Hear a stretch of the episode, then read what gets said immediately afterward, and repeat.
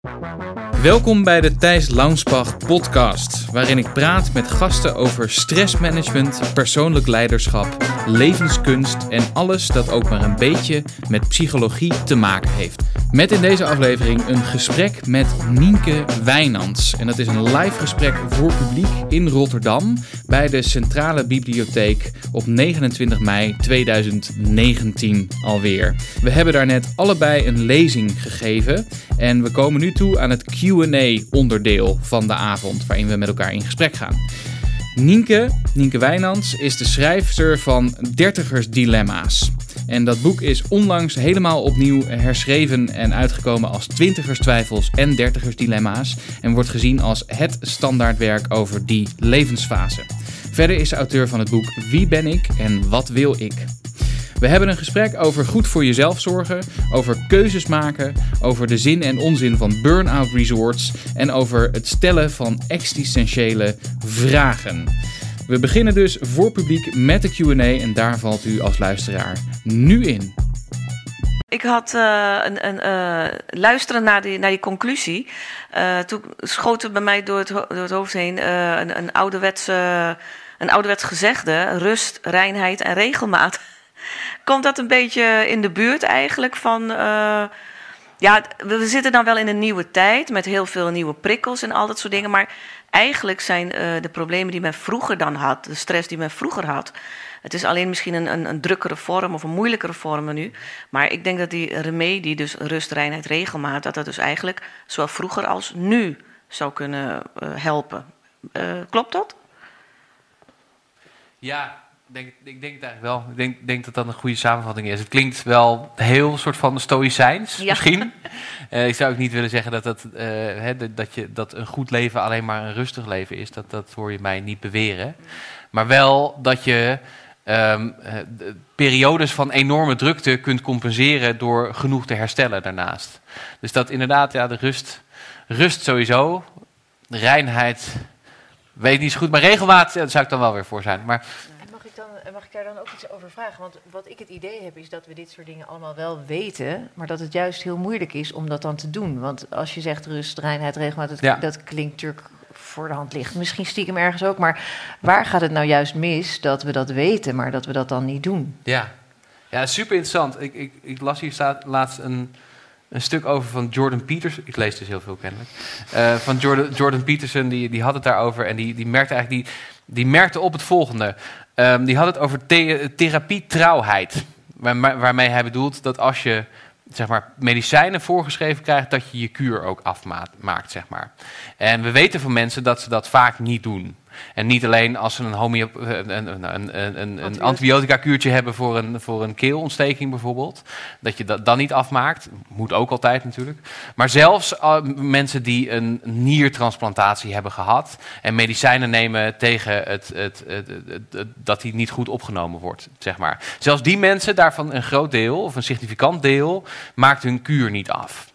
Terwijl als je mensen. Um, medicijnen laat ophalen voor hun huisdier of voor hun kind of voor hun ouder die niet meer voor zichzelf kan zorgen, dan heb je veel meer therapie trouwheid. Dus dan worden die kuren allemaal wel afgemaakt. En de conclusie die hij, daarvan, eh, die, die hij dan trekt is, blijkbaar geven we vaak, zorgen we voor andere mensen waar we voor zorgen of waar we verantwoordelijk voor zijn, veel beter dan dat we de neiging hebben voor onszelf te zorgen. Dus hij zei, en dat vond ik eigenlijk een hele slimme opmerking, uh, je moet dus eigenlijk niet voor jezelf zorgen zoals je altijd voor jezelf zorgt. Eigenlijk moet je voor, voor jezelf zorgen zoals je voor iemand anders zou zorgen voor wie jij verantwoordelijk zou zijn. Vond ik wel een mooie gedachtesprong. Ik weet niet of het antwoord dat was op je vraag. Ja, zeker. Maar ik, en ik, ik denk stiekem dat ook. Um, want jij sloot daar ook, dat sluit dan precies aan bij waar je mee afsloot. Ook met die zuurstofmaskers en de zorg voor jezelf. Ik heb het idee dat daar bijna dan, en dat geldt dan voor alle leeftijdsgroepen, hetzelfde taboe op rust wat er destijds op het uitspreken van dertigersdilemma's voor millennials eh, eh, gold. En ook voor het uitspreken van burn-out klachten.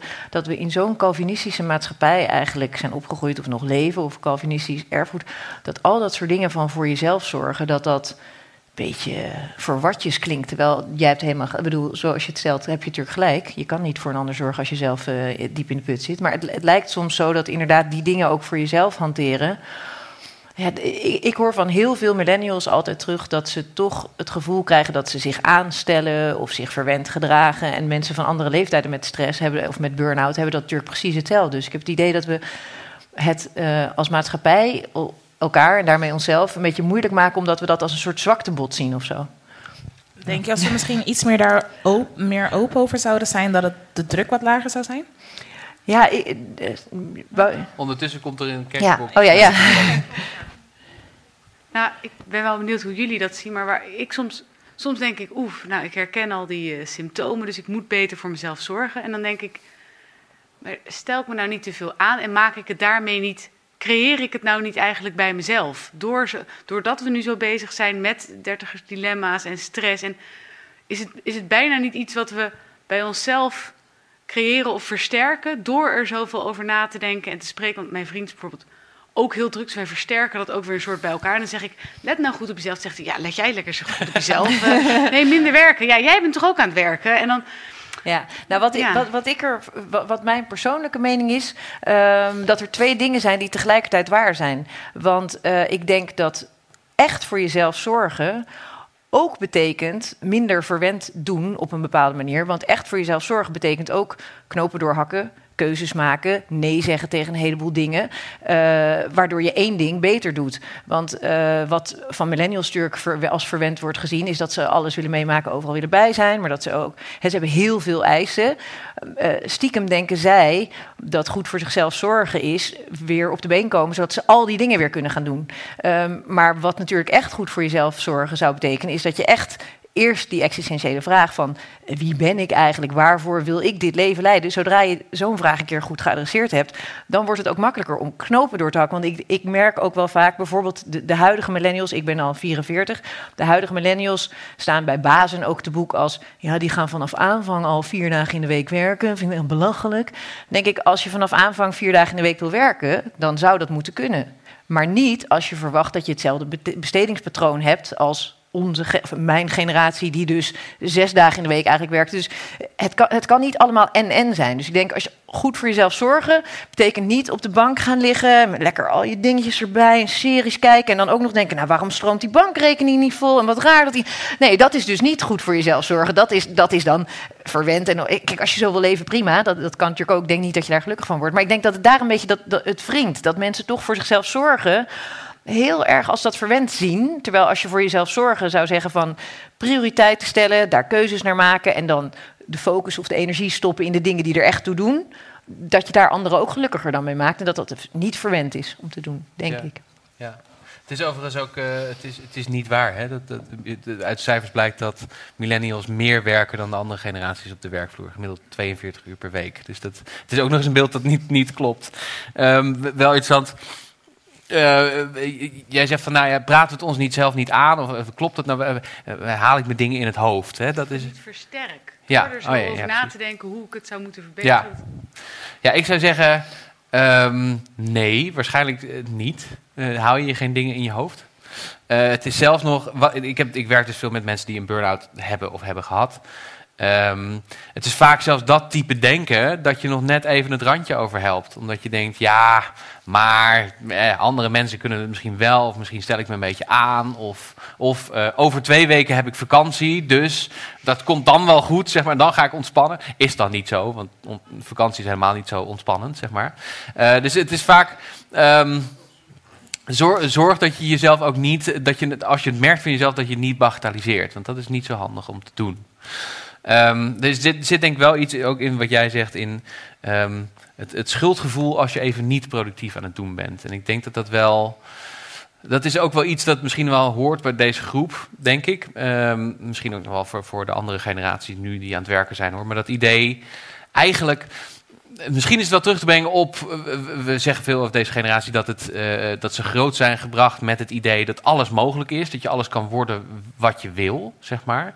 Maar vaak, mijn indruk is dat er ook wel een andere boodschap soort van bij is gegeven ondertussen, tussen de regels door. Namelijk dat je ook pas iets voorstelt als mens als je hele bijzondere dingen doet. En dat is natuurlijk niet waar.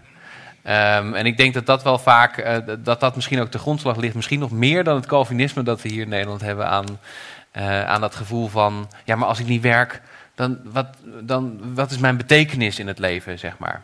Terwijl het interessante is dat dus de mensen die, en dan hou ik op met praten hoor. Eh, de, mensen die ik, die ik spreek die in een burn-out zitten, en die, die, die stel ik dan vaak de vraag van, uh, uh, zou je het uit je geheugen, uit je, uit je ervaring willen wissen, die burn-out? Zeggen ze altijd nee, dat is interessant. Want ze hebben er wel heel veel over geleerd uh, als mens. Maar ze zeggen vaak ook van, nou ja, een van de grote inzichten die ik had na mijn burn-out in het herstel daarvan, is dat het helemaal niet nodig is om allemaal hele belangrijke dingen te doen, maar dat ik op mezelf ook al de moeite waard ben als mens. En dat, dat ook andere mensen om me heen dat vinden, zeg maar. Dus dat vond ik wel weer een, hoop, een hoopvolle conclusie daarvan. Ja, zou je de chatbox naar haar kunnen gooien? Ik heb een vraag voor Nienke. Uh, twintigers twijfel, die dertigers dilemma. Heeft dat ook wel, is het cultureel bepaald? Zie je dat wellicht in bij andere mensen, of althans bij, binnen andere culturen meer dan. Uh... Ja, um, het interessante is dat eh, vanaf het moment dat ik, dat ik iets waarnam en dat voorzichtig eerst uh, in hele kleine schaal ging onderzoeken en later groter een boek over ging schrijven, tegelijkertijd in allerlei westerse welvarende maatschappijen boeken verschenen over hetzelfde fenomeen. Dus boeken over, er is echt letterlijk een boek uit Amerika, Midlife Crisis at 30, Turning 30, Now What. een heleboel van dat soort boeken in de Verenigd Koninkrijk, Amerika, Zuid-Afrika, Australië. Um, dus, dus westerse landen. Um, en eigenlijk toen ik eenmaal wist dat die existentiële vraag de veroorzaker was, of eigenlijk de oorsprong waar het vandaan kwam, uh, was het, werd het daardoor ook iets minder politiek incorrect om dan te zeggen hoe komt dat dan vooral die, dat het in westerse maatschappij zo, zo geldt. Ik weet niet of jullie bekend zijn met de Maslow-pyramide, maar dat is een beetje de simpelste verklaring. Inmiddels zijn mensen een beetje kritisch op Maslow geworden, maar ik, ik vind hem hierin nog steeds wel sterk. Die stelt dat de mens in zijn doen en laten gedreven wordt door het nastreven van behoeften. En in de westerse wereld hebben we de mazzel dat we meestal eigenlijk in de basisbehoeften al kunnen voorzien. Dat we hebben genoeg te eten, eh, we hebben veiligheid en een dak boven ons hoofd. En vervolgens gaan mensen eigenlijk steeds verder die Maslow-pyramide beklimmen. En je kan niet ergens bovenin instappen. Dus je moet onderaan beginnen. Dus je moet eerst in je levensonderhoud voorzien. Dan ga je een mooi huis bouwen. Dan komt de behoefte aan sociale erkenning. Dan de behoefte aan zeg maar, meer zakelijke erkenning. En uiteindelijk het topje van de Maslow-pyramide is zelfverwezenlijking. Dus eigenlijk, en daarmee zegt Maslow, we voelen ons als mens een soort werkbijtjes. En we voelen ons lekker zolang we een uitdagend, maar wel haalbaar doel voor ogen hebben. En in de westerse maatschappij is dat ook echt typisch het plaatje, weet je, van je gaat naar school, dan ga je een opleiding doen, dan ga je een baan regelen, en misschien een partner en kinderen en een huis en dan ben je lekker bezig, weet je wel. En wat gebeurt er dan op een gegeven moment als al die voor de hand liggende, maar uitdagende doelen zijn bereikt? Bloody hell, weet je, dan zit je op het topje en dan is er dus geen weg meer. Alleen, nou ja, de andere kant naar beneden, maar dat wil je ook niet. Dus je gaat kijken. Nou, sommige mensen hebben dan heel interessant een, daar een inverse piramide opgetekend. Want die zeggen, ja, dan begint het pas. Want dan heb je eigenlijk al die voor de hand liggende uitdagende doelen bereikt. En dan komt de grote vraag in het mensenleven, wat wil ik dan eigenlijk? En wat je dan ziet is dat in uh, maatschappijen maar mensen gewoon niet hoger komen dan die derde of die vierde treden, um, dat mensen die zingevingsvraag. Ik, ik, het is mijn overtuiging dat iedereen die existentiële vraag uiteindelijk in zich heeft. Maar zolang jij bezig bent met overleven, komt die vraag niet naar boven. Het is eh, vreselijk om te stellen, maar um, depressiviteit en, en zelfs zelfmoord komt eigenlijk vooral voor in westerse welvarende maatschappijen, omdat zodra alles bereikt is, dan kan die enorme leegte van wat dan nu, die kan toeslaan. En je, je zult, om het even heel gechargeerd en politiek incorrect zeggen, geen hongerige Afrikaan in de woestijn tegenkomen die zelfmoord pleegt. Hè, tenzij er echt iemand iets mis is met iemand zijn uh, chemische huishouding in, in het hoofd, zeg maar. Omdat die zijn zo bezig met overleven, met aardse uitdagingen. Dus, dus ja, alle westerse maatschappijen hebben hier last van. Interessant is ook wel dat, uh, om dat even aan te vullen. Ze hebben laatst redelijk uh, recent nog onderzoek gedaan waaruit blijkt dat. Oké, je bent dus als mensen het bezig met doelen halen. Hè? Dus jezelf een doel stellen en daar naartoe gaan. Die promotie, of ik wil die auto kopen, of ik wil die relatie. Het blijkt dat je, um, het heeft te maken met je dopamine systeem. Dus je krijgt dan beloning. Als je dichter bij je doel komt, dan krijg je een beloning, zeg maar. En daarom voelt het prettig om dicht bij je doel te komen. Maar als je dat doel eenmaal gehaald hebt, dat is helemaal niet, dan krijg je helemaal niet zoveel dopamine van. Dus vaak heb je, je voelt het heel fijn om naar een doel toe te gaan. En dan heb je het doel bereikt en denk je, ah, oké. Wat nu? En dan ga je je volgende doel, dat is hoe mensen dat eigenlijk doen. Dat is super Er is interessant. een heerlijk eh, YouTube-filmpje van Alan Watts. Dat is een filosoof. Hij is inmiddels al overleden, maar hij heeft een heerlijke eh, Brits klinkende stem. Ook al woont hij op laatst van zijn leven in Amerika. En die heeft een, een prachtig eh, kort filmpje. Ik ga wel op de naam komen als Thijs straks aan het praten is voor iemand anders. waarbij hij bespreekt van, kun je je niet herinneren dat hè, je ging vroeger dan ging je naar school en voelde je niet lekker en je was op weg. En dat je altijd op weg bent ergens naartoe in je hoofd. En dat uiteindelijk je nooit de, het geluk ervaart van daar te zijn. Want in de westerse wereld, zodra je daar bent, ben je in je hoofd alweer bezig met. En dat is, deels heeft het hiermee te maken, deels is het heel erg waarin hè, dat die tegeltjeswijsheid van leven in het nu. Je kunt helemaal mee doodgooien. Maar dat is natuurlijk wel waar, want we zijn zo bezig met. Je bent, hij beschrijft heel prachtig in hele mooie taal van je bent altijd maar onderweg. En je bent nooit bezig te genieten van het moment. Want als je in dat moment bent, dan ben je alweer op weg naar het volgende. Dus, ja. Mag, ik, mag ik nog een vraag stellen? Want wat ik, wat ik aan, aan jou? Ja, Mag dat? tuurlijk. Oké. Ehm, want wat ik zo interessant vond, is dat je het vertelde in je, in je, ehm, in je presentatie over die hiërarchie, Mhm. zeg maar. Dus je hebt, je, je hebt eigenlijk twee lagen in, Mhm. in het onderzoek. De eerste laag is zeg maar die, die keuzestress en wat moet ik allemaal met mijn leven en dat soort dingen. En je hebt er eigenlijk nog boven heb je de laag eh, betekenis en, Mhm. of, of spiritualiteit. Ik weet niet hoe je het precies noemde. Maar dat is wel, ik vind dat dus fascinerend. Want dat betekent eigenlijk dat, dat als je weet waarom je het doet, of wat, jouw wat, wat jouw missie is, of Mhm. wat- waar jij voor staat, Mhm. dat dat misschien ook wel een groot deel van die problemen oplost. Ja. keer. Maar nou, nou is natuurlijk wel. Weet je, het één kenmerk van twintigers en dertigers van nu is dat ze het vrij lang doen over volwassen worden. Ehm, dat zeg ik niet, hè? Zegt, zegt onderzoek. Ehm, maar dat, dat, eh, dat misschien ook dat, dat zoeken naar wat je nou eigenlijk voorstelt en wat je wilt doen als en wat voor Mhm. mens je bent, dat duurt veel langer, Mhm. zeg maar. En ook misschien dat je nog niet helemaal uit bent over de vraag: wat, wat wil ik nou in het leven? Mhm. Of wat, wat, wat, wil, wat wil ik gaan doen met mijn leven, zeg maar. Heb je, heb je tips van, voor in dat onderzoek voor, voor Ja, mensen? ehm, die vraag is zo groot dat ik, ik heb het ook gelukkig al heel vaak over gehad met eh, mensen die religieus zijn. En je Ehm, hebt er natuurlijk ook nog zo'n boek over geschreven. Precies, want Eh, mijn tweede boek uiteindelijk was de, e- de exploratie van die existentiële vraag. Maar wat ik daarbij merk, kijk, ehm dertigersdilemma's, dat is de verschijningsvorm. En zo kun je ook een super herkenbaar en geestig boek schrijven over de puberteit. En een herkenbaar, maar ook geestig eh, boek over de midlife crisis en het empty nest syndroom. En dan herkennen mensen zich daarin. En wat ik heel erg merkte, is dat zeker bij die groep tussen de 25 en de 35, zodra je dat woord existentieel ook al maar noemt, dan ten eerste, sommigen zie je met de ogen draaien van. en anderen zie je een beetje zo wegzakken. Of die denken, ja, ver van mijn bedshow. Of anderen zeggen echt van, nee, maar dat is echt niet waar ik last van heb. Ik wil echt weten, moet ik die MBA gaan doen of niet? En om nu even gechargeerd alvast het antwoord vooraf te ge- geven... dan zeg ik nee, want als jij die existentiële vraag had geadresseerd... dan wist jij nu al of je die MBA wel wil gaan doen of niet. Ehm, gelovig zijn is voor sommige mensen een soort heel rustgevend, overkoepelend gevoel. Ik denk dus dat mm, door de ontkerkelijking in de westerse wereld deze leegte alleen maar groter is geworden. Want aan de ene kant denken we dat daar dus niks voor in de plaats is gekomen. En aan de andere kant denken zowel niet-religieuze als wel religieuze mensen zijn stiekem toch allemaal gelovig, omdat wij leven in een pragmatische, materialistische, consumentistische individualistische maatschappij. Dus wij denken dat wij zelf keuzes maken, maar dat is in veel gevallen helemaal niet zo. Je, je keuzes worden voor een grote mate gedreven door het consumentisme. We wonen in Nederland. Daar zeggen de filosofen van, joh, zoeken naar de zin van het leven heeft geen zin, want er, er is geen antwoord, gaan we niet achterkomen. Dus doe maar gewoon wat werkt. En wat ik zie is bij mensen die bij mij aan tafel komen, die hebben niet expliciet snappen ze of weten ze dat dat de existentiële vraag is die hen dwars zit. Wat zij voelen is dat het schuurt dat de route die iedereen bewandelt, die past mij niet. Of dat hele consumentistische, dat voelt voor mij niet lekker. Of weet ik wat. En als ik, zodra ik dan... Kijk, als je met veertigers, vijftigers of zestigers dan over existentiële vragen gaat praten... dan gaat er wel een soort lichtje branden. Dan zegt het grote deel zegt wel van, oh, dat vind ik wel boeiend. Maar heel veel twintigers en dertigers denken van, nee, dat is het niet. Ik wil weten, ga ik met deze partner verder? Ik wil weten, moet ik nu een kind wel of niet nu gaan nemen? Wel- Terwijl ik dan zeg van, nee, als je, dus het antwoord op de vraag is je moet eigenlijk toch op een bepaalde manier durven accepteren dat de vraag nog een laagje dieper ligt.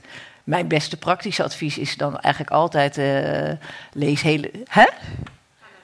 Ga naar de kerk. Nou ja, kijk, voor mij, kijk ik, ben heel, ik ben heel a-religieus. Dus voor mij is het misschien, dat, dat merk ik wel, dat mensen die, die niet religieus zijn, daar, voor hen is het nog lastiger. Want die zijn nog meer zoekend. Dus ik, ik ben wel inmiddels zover dat ik, ik, ik, het enige wat ik zeker weet, is dat ik niks zeker weet. Dus als eh, mensen gelovig zijn, denk ik, heerlijk voor jou. Want dat geeft tenminste enigszins... Dus ja, ik heb ooit bij Andries Knevel aan tafel gezeten. Die zei toen, dus u zegt, geloof is het medicijn tegen het dertigersdilemma. Ik zei, ja, voor diegene. Ik zei, ja, dat, dat klopt. Dus, maar... eh, Bidden helpt ook eh, tegen stress, geloof ik. hè? ja, maar dat geloof ik zeker. Dus, maar het is een stuurloosheid die mensen ervaren. En die vaak wordt ingevuld dan door oneigenlijke factoren. Dus niet van binnenuit, maar dingen die je van de buitenkant worden opgelegd. Dat voelt dan als onprettig. Dus het enige wat ik kan zeggen is, adresseer die existentiële vraag. En hoe je dat doet, ja, ik denk echt toch, eh, als je niet gelovig bent, met filosofie. Dus dat heeft mij heel erg geholpen. Ik heb me vijf jaar lang helemaal ondergedompeld eh, in filosofie. Dat vond ik fantastisch, maar het zal voor iedereen anders zijn. En je hoeft het natuurlijk ook niet meteen zo groot te maken, want de existentiële vraag is mega. Maar het rare is wat ik van iedereen hoor die zich daar toch dwingend mee bezighoudt, dat ehm, het moeilijkst is dan te beschrijven dat mensen die dat echt goed gedaan hebben, zeggen dat zelfs een keuze, eh, een consumentenkeuze in de supermarkt makkelijker wordt als je eenmaal van binnenuit weet waar doe ik het eigenlijk allemaal voor. En sommige dingen worden vanzelfsprekend als je eenmaal zelf weet van nou waar leef, waar leef ik nou eigenlijk echt voor, wat zijn mijn prioriteiten enzovoort. Grote dingen worden makkelijk, maar zelfs welke hagelslag wordt dan simpeler. Soms omdat je denkt nou het maakt in de big picture geen reden uit welke hagelslag ik neem, maar soms ook omdat ja dus dat werkt. Oké, zijn er nog meer vragen vanuit het publiek? Zou je hem even naar haar kunnen gooien? Ik weet niet of ik... eh, ik geef het wel door. Kun je voorbeelden noemen waar mensen dan mee komen? Als Wat- ze die, als ze die ex- existentiële vraag eh, bij zichzelf stellen, Ja. met wat voor dingen komen ze dan? Want ik kan me daar niet zo heel goed iets bij voorstellen. Ja, ja, dus je bedoelt wat voor, wat voor antwoord komen Ja. mensen dan toe? Dat vind ik heel moeilijk om te zeggen. Want, bui, want, want eh, als mensen niet gelovig zijn, niet religieus zijn, dan komen de meesten er toch op dat er geen overkoepelende eh, zin is. Eh, maar juist het allergekste is dat dat een wetenschap is waar mensen ook maar heel kort. Dus het, het eigenlijk de grootste uitdaging is om mensen die zeggen: Ik ben niet gelovig, eh, dan nog wat langer te confronteren met die ongemakkelijke waarheid. Want ik vind het ongelooflijk dat mensen dus in het dagelijks leven heel lang stilstaan bij wel of niet kinderen of over alle grote keuzes van het leven heel lang nadenken, maar dat we relatief zo kort of helemaal niet nadenken over onze sterfelijkheid en het besef daarvan. Kijk, heel mooi als je eenmaal simpele eh, weet, eh, filosofische boekjes ook gaat lezen. Daarin zeggen bijvoorbeeld mensen die daar wat over schrijven, die zeggen het feit dat de mens zich bewust is van zijn eigen sterfelijkheid, dat, dat maakt je dus anders dan alle andere levende wezens. Waarom leeft een hond zo'n uber-relaxed leven en ligt die lekker voor de haard? Omdat zijn brein denkt niet van, oh, morgen zou het wel eens afgelopen kunnen zijn. Nee, die, die wordt iedere ochtend wakker en doet hetzelfde rondje en wordt blij van zijn eten en zijn slaapje en zijn plasje. En that's it. Wij mensen, omdat wij dit brein hebben en omdat we veel te veel kennis hebben eigenlijk, dus daar zijn dan fantastische filosofische theorieën over. De, de Terror Management Theory van Beckett, die zegt... alles wat wij in dit leven gecreëerd hebben, van religies tot dat wij hier zitten in dit zaaltje... is allemaal om maar niet aan die ongemakkelijke waarheid te hoeven denken dat het ooit ophoudt. Onze sterfelijkheid is het grootste ding. Nou, dan kan je allerlei gedachte-experimenten gaan doen. Zou je dan willen dat het eeuwig duurt, weet je wel? Wil je eeuwig doorleven? Hm, als je dat wil, wil je dan een bepaalde leeftijd blijven, de rest van je leven 25? Ja, dan moet iedereen om je heen ook lekker 25 blijven. Maar hoe ga, als je de praktische dingen al daar laat, van hoe gaan we al die mensen te eten geven? En weet, dan, dus het zijn gedachte-experimenten. Niemand die ik ken die agnostisch of atheïstisch of areligieus is, komt dan met een antwoord. Maar mensen zeggen dan wel, ja, ik ben dan toch wel een beetje een absurdist, weet je. Ik voel me dan een beetje zoals Camus, van hé, hey, we zijn hier nou in dit leven geworpen. Er is geen zin. Hoe maak ik dan zin? En dan zijn er dus allerlei, vind ik, prachtige filosofische theorieën... waar mensen zich dus toch wel een beetje thuis bij voelen. En het rare is, mijn hele grote dilemma... en dan zal ik stop met praten... was destijds toen ik dat boek schreef van... wordt dat niet een heel deprimerend boek? Weet je, als je zo iets leest... en eh, mijn eigen overtuiging was dus, er is geen antwoord... en is, het niet, is dat niet heel deprimerend? En dan zie je toch dat de mensen die zich daar langer mee bezighouden... meer enthousiasme voor het leven krijgen... en weer met meer inspiratie, omdat die enorme vrijheid... die zo ontzettend eng en beklemmend is aan de andere kant... maakt ook dat je levensvreugde... op een gegeven moment eh, is eigenlijk zelfs het meest basale... dat mensen denken, nou, het heeft misschien geen zin, maar ik maak het liever wel mee dan dat ik het niet meemaak. En daar wordt alles dan zo licht en luchtig ook eigenlijk. En dan krijg je nou ook diep van binnen het gevoel, wie, wie zegt mij nog iets? Wie, doet, wie zegt mij dat ik zo mijn leven moet leiden? Wie zegt dat een hoge opleiding, dat, dat universitair hoger opgeleid heet en dat VMBO dat dat la... Wat een onzin, het is anders opgeleid. Wie zegt mij dat ik zo... Mijn, dus eh, ja, het brengt heel veel relativeringszin met zich mee. Ik denk, zijn- mijn, mijn persoonlijke theorie is ook dat, eh, dat dit een van de redenen is waarom ehm, ecstasy zo populair is onder jongeren. eigenlijk is dat, ik zat erover na te denken. Ik denk, ja, het is, het is een soort, dat is eigenlijk een soort mindfulness, maar dan in de snelle vorm of zo. Want er is even geen toekomst, er is even geen verleden, er is alleen het, het nu. En je hoeft je geen zorgen te maken over andere dingen.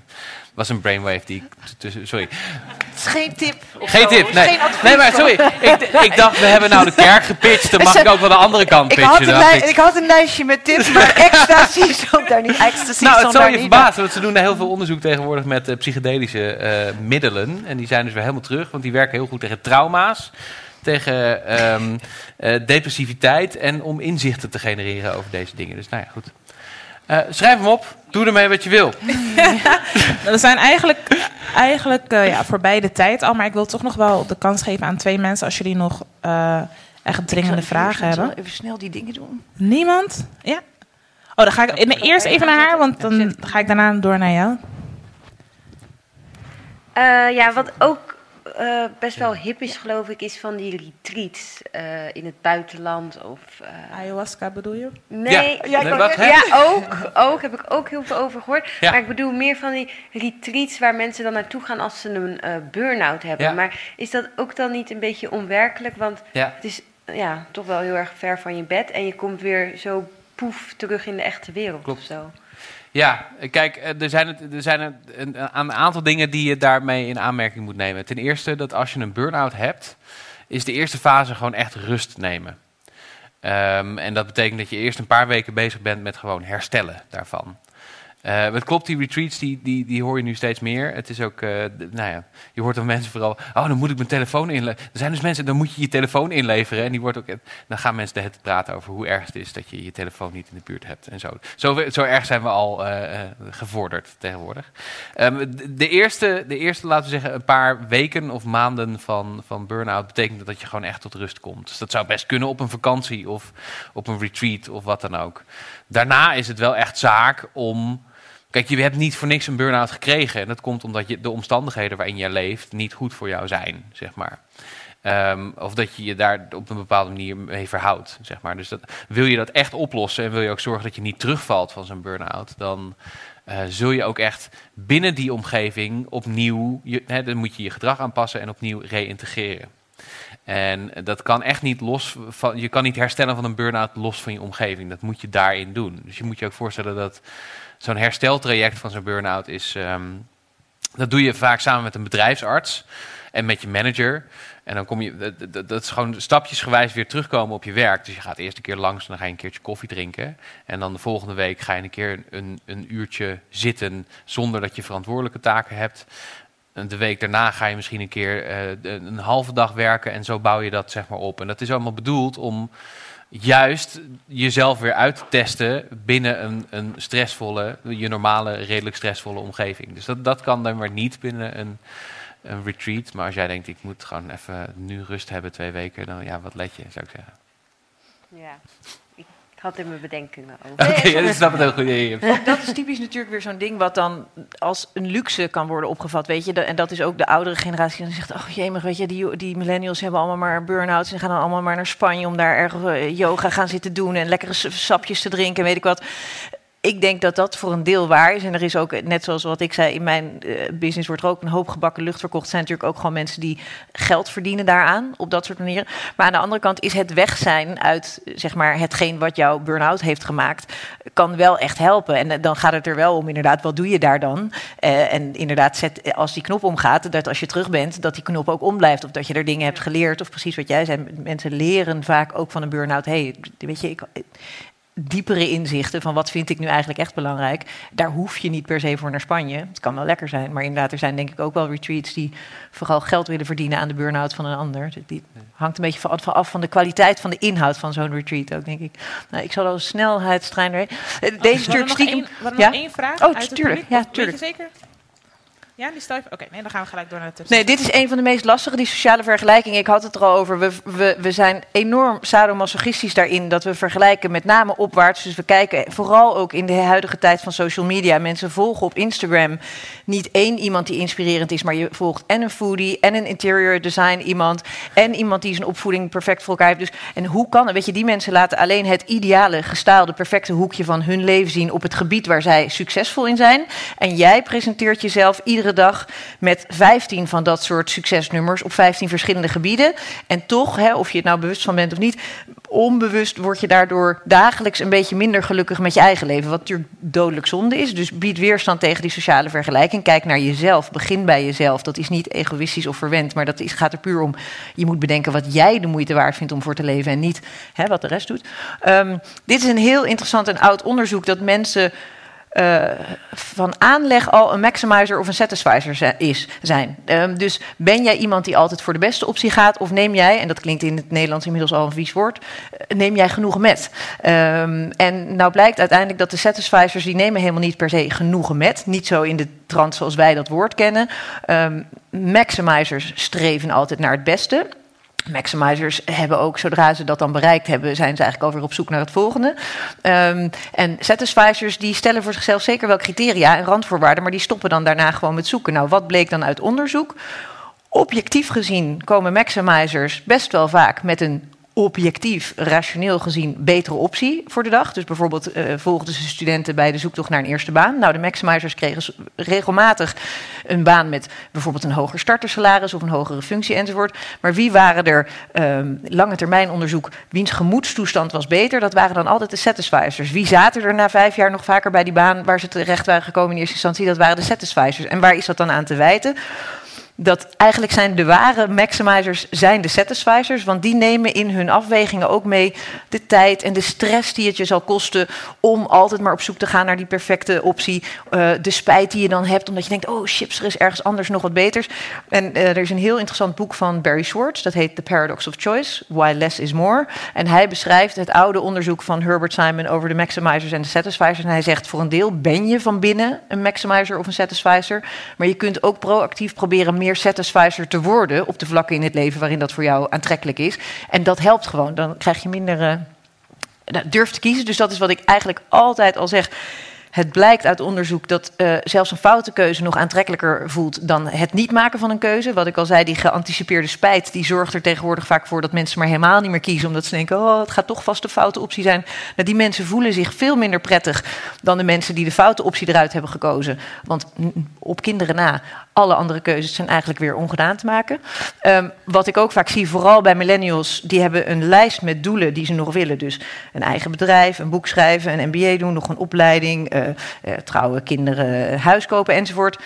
En wat ik dan deed, een oefening met ze, dat ik zei: Oké, hier zijn al die doelen. Hier is een tijdslijn van 0 tot over 5 jaar, 5 jaar tot 10 jaar, 10 jaar tot 15 jaar. Oké, nou wanneer moet uh, dat trouwen? Ja, dat moet wel binnen nu en 5 jaar. Oké, die kinderen, ja, hallo, ik ben 35, dus dat moet wel binnen nu en 5 jaar. Oké, nou, je voelt hem al aankomen. 20 knoepers van doelen. En die wilden ze dan allemaal proppen in dat tijdsvakje 0 tot 5 jaar. Ja, dat kan dus niet. En dan voel je ook meteen echt bijna letterlijk fysiek waarom je dan dus iedere dag met een soort lode last uit je bed stapt. Nou, dan probeer ik mensen te zeggen, probeer dat meer sequentieel te zien. Welke dingen kunnen ook over 10 jaar of over 15 jaar? Dus knopen drakken. Uh, en in de big picture, gelukkig heb ik die net al toe kunnen lichten, dus hoef ik geen woorden meer aan vuil te maken. Het gaat dus om die eigen bewuste levensovertuiging. Dus het gaat om die, het adresseren van die existentiële vraag. Dat waren de tips. Ja, nou vind ik mooi om uh, daarmee af te sluiten. Mag ik nog een uh, hartelijk applaus voor uh, Thijs en Nienke. Als het goed is, gaan jullie. Als het goed is, in de foyer kunnen jullie, gaan jullie boeken nog verkopen, toch? Ja, ja? Tenminste, dat, voor degene, ja, ja, dus voor degenen die het willen, die kunnen nog een boek van Nienke, twintigers, twijfels en de dertigers dilemma's kopen. En van Thijs, fucking druk. En mocht je toch nog vragen hebben, Kan je dan ze dan ook kan je ze ook nog even eh, ja. stellen. En voor nu wil ik jullie gewoon een fijne avond wensen en eh, geniet ervan. Je luisterde naar de Thijs Launsbach podcast. De links, de namen en de informatie uit deze aflevering kun je vinden in de omschrijving. De muziek voor deze podcast werd gecomponeerd door Bart Liebeert en Hugh Blaines. Je kunt je voor deze podcast abonneren, dan krijg je een melding wanneer er weer een aflevering online komt. Dit kan via iTunes, via Spotify, via de andere podcastkanalen of via thijslaunsbach.nl. En mocht je daar dan toch zijn, schrijf je dan vooral ook in voor mijn nieuwsbrief. Dan hou ik je op de hoogte van alle nieuws rond boeken, columns en podcasts.